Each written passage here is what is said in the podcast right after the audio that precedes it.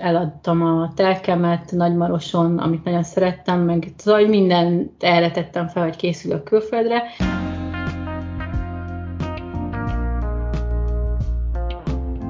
Ez a Kalandvágyból külföldre podcast, én Dóra vagyok, a műsor házigazdája. Nóra öt éve járt először Portugáliában, ráadásul télen, mégis egyből azt érezte, hogy szívesen élne ott. Megragadta a városok hangulata, az emberek nyugalma, de a legjobban az óceánért rajong. A Covid helyzet világított rá, hogy a nehéz időkben azzal adhat a legtöbbet gyermekeinek, ha jó élmények érik őket, nyelveket beszélnek, és széles kapcsolatrendszert sikerül kialakítaniuk, hogy miként sikerült egyedülálló anyaként két kiskamasszal országot váltania, kiderül ebből az adásból. Ha tetszett a beszélgetés, nyomj egy lájkot, és hogy ne maradj le a további részekről, iratkozz fel a csatornára. Hunyadi Nóra vagyok, digitális designerként és fotósként dolgozom mostanság. Két kamasz gyerekem van, egyedül nevelem őket már 8 éve, és hát most együtt vágtunk bele ebbe a nagy kalandba, hogy külföldre kijöjjünk és nyelveket tanuljunk. Előtte nem éltetek máshol külföldön? Nem, én soha nem éltem. Én, én 23 évesen szültem a Sárit, úgyhogy az egyetem végén született meg. Én akkor már férnél voltam, egy ilyen nagy szerelem szerelemházasság volt már akkor a Tarsolyomban, így az egyetem alatt már, és akkor a Sári 23 évesen szültem őt, és aztán 25 évesen az Ábelt, és akkor hát elkezdődött ez a kisgyerekes korszak, meg akkor én ilyen nagy pályaváltásban voltam, mert már az egyetem alatt is éreztem, hogy tök jó ez a két szak, de így kihalás után lehet kb. álláshoz jutni, meg Annyira nem éreztem hivatásomnak, hogy ebben még több energiát beltegyek, de az egyetemet azért befejeztem, mindenféle halasztás nélkül még a sárival a megcsináltam a záróvizsgákat, és aztán elkezdtem igen át, átképezni magam, és akkor így nem volt a fejünkben az, hogy kimenjünk külföldre, mert itt volt a család, pici gyerekek, óvoda, nagyszülők, minden. Én nekem mindig volt ez a, a fejemben korábban is, hogy én egyszer szeretnék külföldön élni, tehát bennem volt egy ilyen kaland vágy korábban is, de, de ez azért így a kisgyerekes léttel így szépen így elsimult, aztán a vállás környékén kezdtem el multinál dolgozni, akkor négy és hat évesek voltak a gyerekek, és akkor uh, designerként elkezdtem így felépíteni így a munkámat, és uh, ahogy egyre jobban kerestem, meg így több lehetőségem lett az utazásra is, akkor így elkezdtem utazni, meg elkezdtem a szabadúszó világomat is képíteni, tehát egy, egy hat év múlt is ügynökséges dizájn munka után én szabadúszó lettem. Már azért alakítottad így a munkát, mert már készült? Elsősorban ez is benne volt, igen, de a fő ok az a gyerekek miatt volt. Tehát, hogy kicsik voltak még, és nagyon nagy macera volt állandóan elkéreckedni, betegek, idevinni, odavinni őket. Tehát, hogy egyedül olyan, hát itt laktam Budapesten, Újlipotvárosban, az egész család vidéken volt, tehát nekem nem volt nagyszülői segítség semmi, és úgy kellett a gyerekeket gyerekek minden napjait megoldanom, hogy közben 9 órában ott ültem egy irodában, és ez nagyon nehéz volt. És aztán kedvem is volt, hogy így kreatív dolgokat még kipróbálják, és akkor elkezdtem a szabadúszást képíteni. Ez egy két év alatt sikerült is, és akkor átnyargaltam teljesen full-time szabadúszó designer, és akkor elkezdtem fotózni, és fotós is lettem, és gasztromarketinggel foglalkoztam sokat az elmúlt években. Ételeket fotózó? Igen, tehát ételeket fotóztam, meg kifejezetten erre építettem fel a vállalkozásomat, mert akkor még a Covid előtt, ilyen időszakban járunk, a, az éttermek, kávézók, ezek nagyon felfutottak, nagyon sok külföldi jött Budapestre, nagyon sok szuper étterem, nagyon jó séfek dolgoztak, és egyre inkább adtak ők is a, a külcsínyre, a marketingre, hogy ez jól nézen ki, jól a social média térnyerésével ezek így összekapcsolódtak, tehát én ilyen teljes kommunikációt csináltam kisvállalkozásoknak, szövegírással és vizuális anyagok teljes, ilyen Jolly Joker munka volt igazából. És hát akkor már ugye egy kicsit az időm is lazább lett olyan téren, hogy kicsit jobban tudtam beosztani, úgyhogy amikor így ezt már így a szabadúszást nagyjából összekalapáltam anyagilag is egy jó szintre, akkor elkezdtem utazgatni ilyen hátizsákosként. Amikor a gyerekek kép nem voltak velem, akkor mert azért az édesapjuk azért jelen volt az életünkben, úgyhogy vele is töltöttek időt, akkor én leléptem ilyen pár napokra, és, és akkor, akkor még erősebbé vált ez bennem, hogy, hogy igen, valahol szeretnék külföldön élni. Portugáliában öt évvel ezelőtt jártam először. Mi ragadott meg téged Portugáliában ennyire? Nagyon érdekes, mert nagyon sok országban jártam, de mégis Portugália volt az első olyan ország, amin azt mondtam, hogy ah, itt én, én nagyon szívesen élnék. Ezt itt tök nehéz megfogni, mert Olaszország is mediterrán, és baromira tetszik, és nagyon szeretek oda járni, de ott soha nem éreztem például ezt, hogy, hogy én ott szívesen élni. Portugáliában négy napra jöttem először, és télen ráadásul decemberben, tehát még nem is a szezonban, amikor topzódik mindenki az óceánparton, de hát az óceán az teljesen elvárásolt, a városoknak a, a kulturális háttere, tehát itt Portugáliában nem volt, hát ugye egy hatalmas gyarmat ország volt korábban, annak minden kincsével és minden nehézségével együtt. Nagyon sokszínű a lakosság, nagyon befogadóak, nagyon kedvesek, és hát kulturálisan is, meg épületekben olyan kincsekkel rendelkeznek, amitől így szerintem minden ilyen szép érzékkel rendelkező ember dob egy hátas, tehát nagyon-nagyon gyönyörű minden, minden ö, fantasztikus ö, angol kertekre hajazó gyönyörű park, parkok, tehát nagyon Akkor sok... Te fotósként valószínű ilyen szemmel is nézed az adott várost, országot. Igen, nyilván ez egyébként nem feltétlenül, én minden országban találtam nagyon szép dolgokat, amire azt tudom mondani, hogy szerintem minden országban vannak tényleg gyönyörű dolgok, de Portugália kifejezetten, kifejezetten szép, igen. Tehát, hogy itt, itt, itt hatványozottan vannak olyan helyek, amik gyönyörűek, de engem egyébként az emberek fogtak meg, az a hangulat, ami itt van. Itt tényleg ilyen csillbe van mindenki. Tehát, hogy nyugalom van, de nem az a nyugalom, tehát a portugálok tudnak sokat dolgozni, meg tesznek, vesznek, de, de nagyon nem ismerik szerintem a, a stressz, stressz faktorokat, meg, meg valahogy így élni szeretnek. Tehát ez az élet, életigenlés és az életnek a, az egyszerűbb, de nagyon fontos dolgai, azok nagyon jelen vannak szerintem az életükben, és ez nagyon-nagyon-nagyon tetszett. Nyilván abból a szempontból Portugália nehéz sztori, hogyha a munkát tekintjük, hogy, hogy itt bár nyugat, dél-nyugat-európa, azért az árak már itt is mennek felfele, a, a bérek viszont nagyon alacsonyak, úgyhogy itt, itt azok a bevándorlók vagy külföldiek érzik szerintem igazán jól magukat, akik ki tudják alakítani a céges kultúrát akár úgy, hogy külföldre dolgoznak mm, online, vagy olyan szakmai háttérre rendelkeznek, ami nagyon keresett, mert egyébként nem könnyű itt szerintem munkát találni. Tehát én most jelenleg is szabadúszóként dolgozom, és, és egy mindenféle projektem van. Most még küzdök azért sok mindennel, de ez majd alakulni fog de, de azt nem tudom, hogy ez a vállalkozói kultúra meddig fog fennmaradni, vagy hogy mert tehát elég bizonytalannak érzem most ezt a helyzetet, úgyhogy mindenképpen próbálok több lábra helyezkedni. Mikor de... döntötted el biztosan, hogy Portugáliába fogsz költözni a gyerekekkel? Hát ez egy nagyon érdekes történet, mert amikor eldöntöttem, hogy külföldre akarok jönni, ez tavaly, tavaly tavasszal már nagyon vaciláltam rajta, tehát a, a Covid is sok mindent felerősített, hogy az ember átgondolta az életét.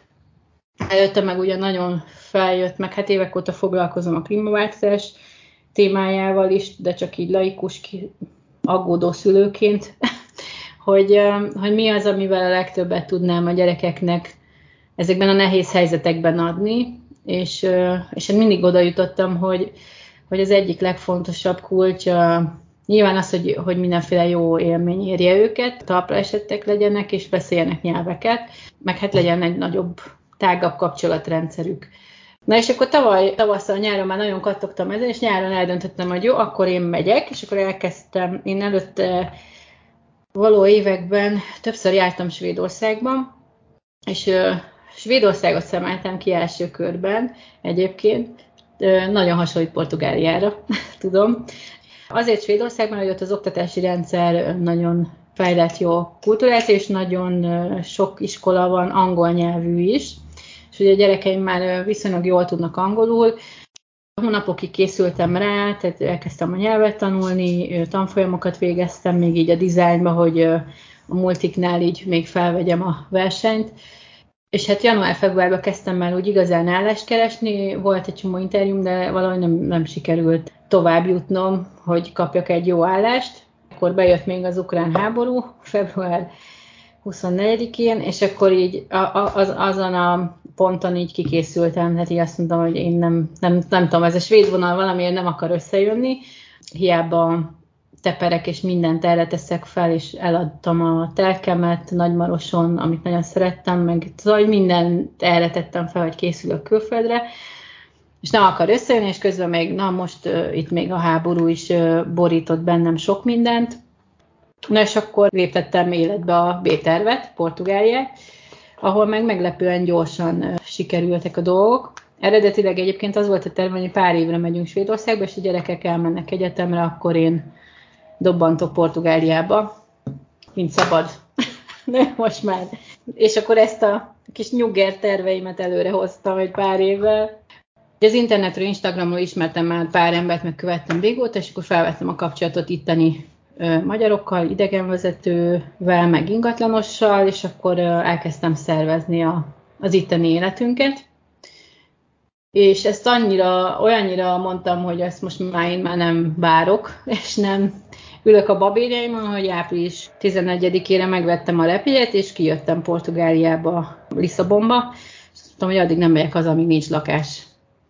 És egy, egy hónapot voltam itt úgy, hogy lakást kerestem, tehát minden adott volt már ahhoz, addig elintéztem ezt a, az alapszámot, ami szükséges ahhoz, hogy bármit béreljél, ezt a hivatalos adószámot, és hát pénzem is volt, mert felkészültem erre egy korábban, még így is nagyon-nagyon nehéz volt lakást találni. De miért volt olyan nehéz, ilyen hosszadalmas?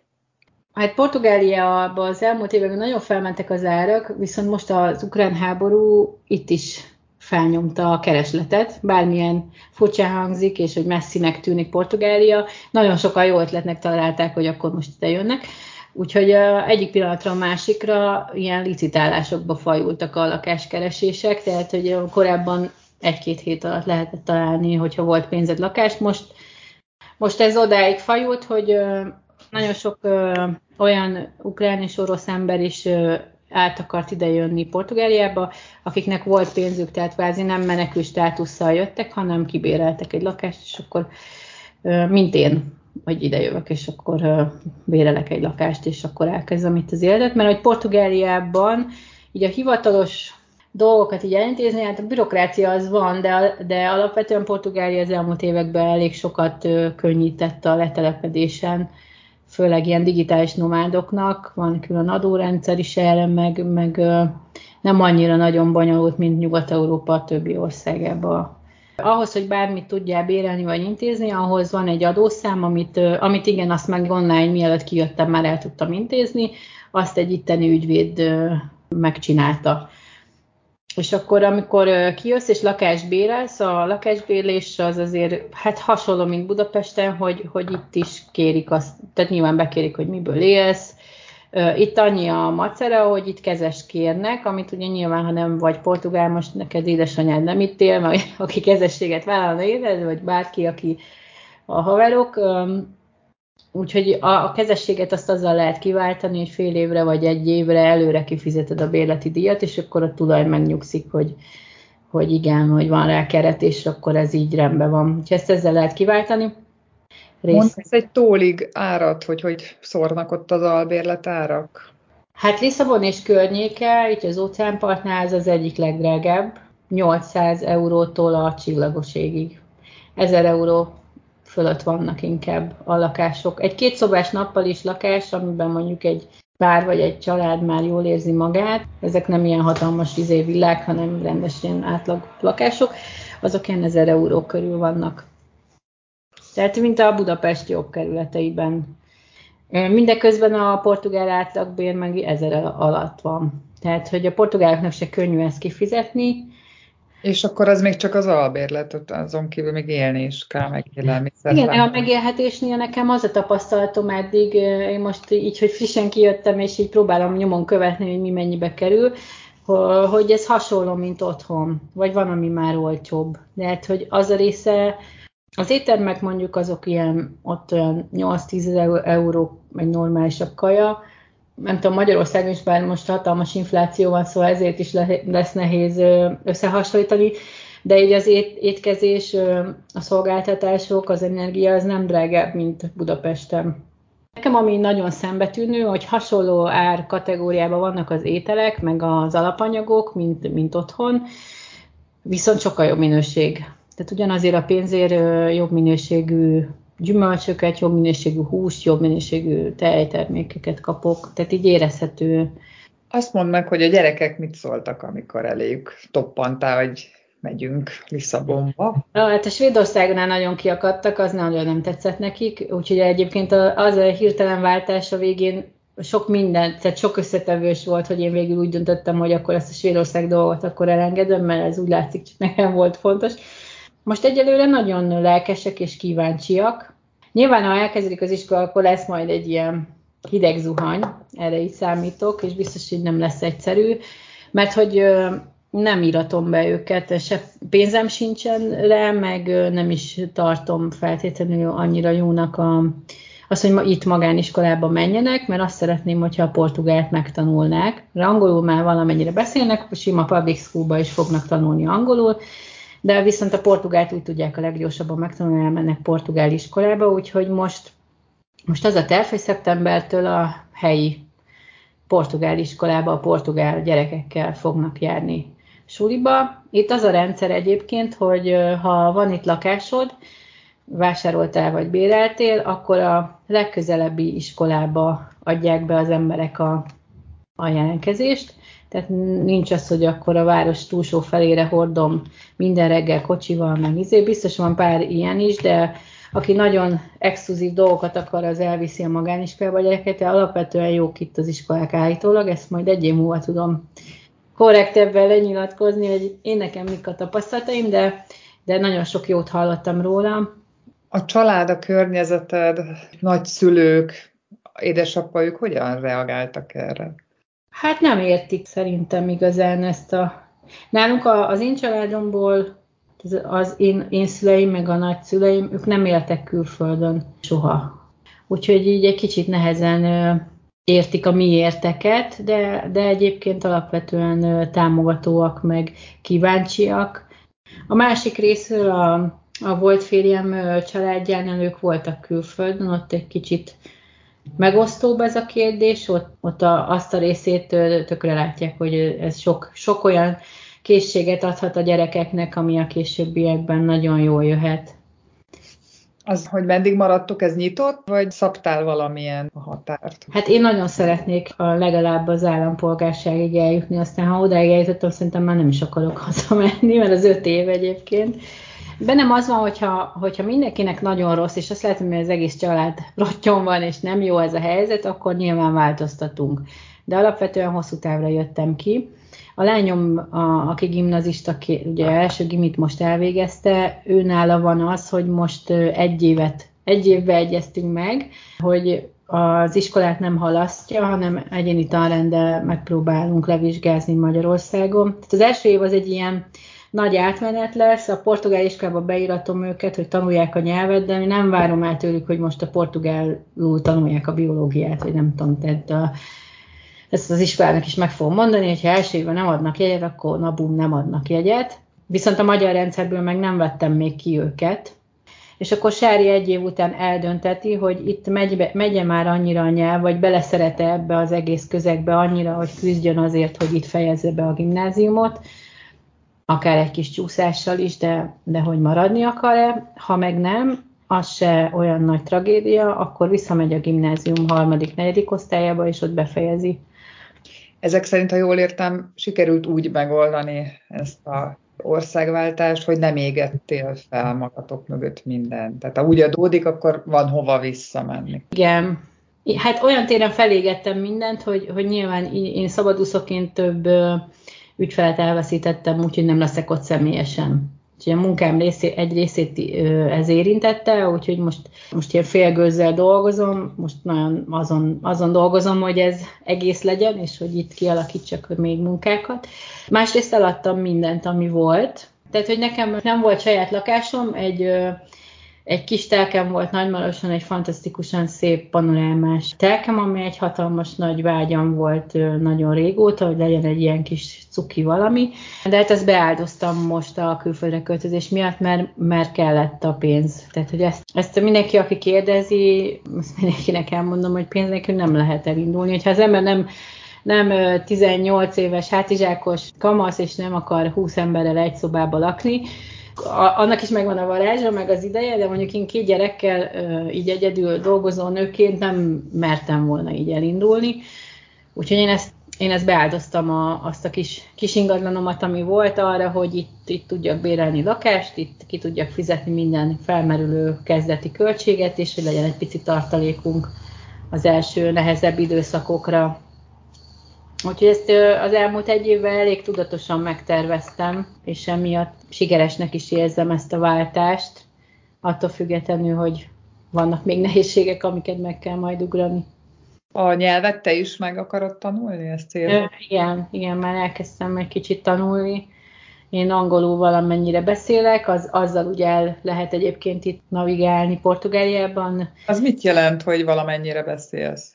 Hát én közép-felső fok között de azért most már egyre több helyen, ügyintézős helyeken is beszélnek angolul egyébként a portugáloknál. Én Lisszabon és környékéről tudok nyilatkozni. Itt én a mindennapi életben a boltba egy csomó helyen, ha angolul megszólalok, tudnak válaszolni és tudnak segíteni.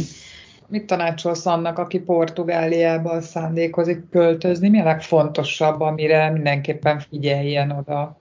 Van ö, több olyan magyar ember is, aki folyékonyan beszél portugálul, és foglalkozik is ilyen témákkal, kiköltözőknek segít. Én velük felvettem a kapcsolatot, és az ingatlan keresésben is, meg a kezdeti információk és ügyintézésben is segítettek. Nyilván ezt nem ingyen tették, tehát ugye ez a munkájuk, én fizettem értem nekik ezért, viszont ez nagyon-nagyon felgyorsította a lehetőségeimet, meg a, a, az egész elérhetőséget.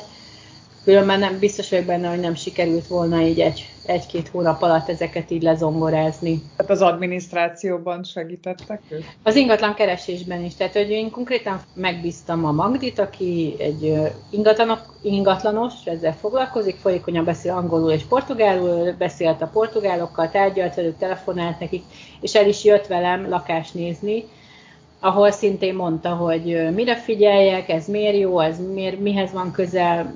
Tehát ugye itt télen nincs fűtés, de azért 15 fok van, nagyon nem mindegy, hogy az ablak szigetelt, vagy nem szigetelt. Olajradiátorok ezzel azzal fűtögetnek az emberek, nagy fűtésre nincs szükség, de pár dologra azért oda kell figyelni. De és erre tök jók ezek az emberek, akik, akik itt élnek már régóta, és kifejezetten ezzel foglalkoznak. Látom, hogy nagyon lelkes vagy, és nyilván a pozitív dolgokra koncentrálsz. Van olyan, ami ez alatt a rövid idő alatt szembe jött veled, és úgy érzed, hogy azt nehezen fogod tudni megszokni ott? Hát ez jó kérdés. Messze vagyok az óceántól három kilométer. az fél óra gyalog, de, de én annyira imádom az óceánt, hogy képes vagyok minden nap legyalogolni oda. De miért? Miért jobb az óceán, mint egy tenger? Na, szerintem egész más. Az óceán sokkal erősebb, ilyen nagyon, nekem, nekem nagyon, én nagyon szeretem a tengert is, meg a tavakat, és minden víz, vízjegyű vagyok, úgyhogy minden víz jöhet, de az óceán az, szerintem sokkal ilyen vadabb, meg nem is tudom, ilyen szenvedélyesebb víz, mint a többi. Nagyon kell vigyázni is vele egyébként. Nem lehet ész nélkül pacsálni benne, de beszív a visszamenő hullám. Igen, igen, igen. Szóval ilyen, de, de szerintem fantasztikusan szép ö, környezetet is alakít ki, meg sziklák, meg mindent, tehát nagyon, nagyon szép, szép ez a rész. Nem tudom, nehéz. Nekem a nyelv az, ami most még egy kis nehézséget okoz, hogy még nem beszélem, és így a barna hajammal, meg bőrömmel állna portugálnak néznek, és mindig buszon mindenhol portugálul beszélnek hozzám, nem nézik ki belőle, hogy angolul értek csak. Tehát akkor biztos vagyok benne, hogy könnyebbnek fogom az egészet érezni, hogyha már a nyelvet is beszélni fogom. Van is egy ilyen vágy bennem, hogy ezt, ezt tényleg megtanuljam. Hát nem akarok. Hogy tervezed? Beiratkozol iskolába, vagy magadtól? Nem, tanárral, tehát online, online tanára. Úgyhogy hát nagyon-nagyon kíváncsi vagyok, hogy a következő esztendő milyen lesz. Az első nagy lépést azt meghoztam, viszonylag, viszonylag jól, jól és gyorsan sikerült, bár nekem hosszúnak tűnt ez a pár hónap, azért így visszagondolva szerintem viszonylag gyorsan sikerült sok mindent lezongorázni. Mm, én ebben nagyon hiszek, hogyha, hogyha az ember így elhatároz valamit, de folyamatosan a pofonokat kapja, akkor nem arra kell menni, és akkor van, hogy kell egy ilyen hátraarc, és ez Portugáliával kapcsolatban abszolút, abszolút működött, és, és most, hogy itt vagyok már, meg megtapasztaltam így most már a hétköznapokat is egy kicsit, abszolút azt, azt már, már így nem is értem, hogy mit akartam én Svédországban.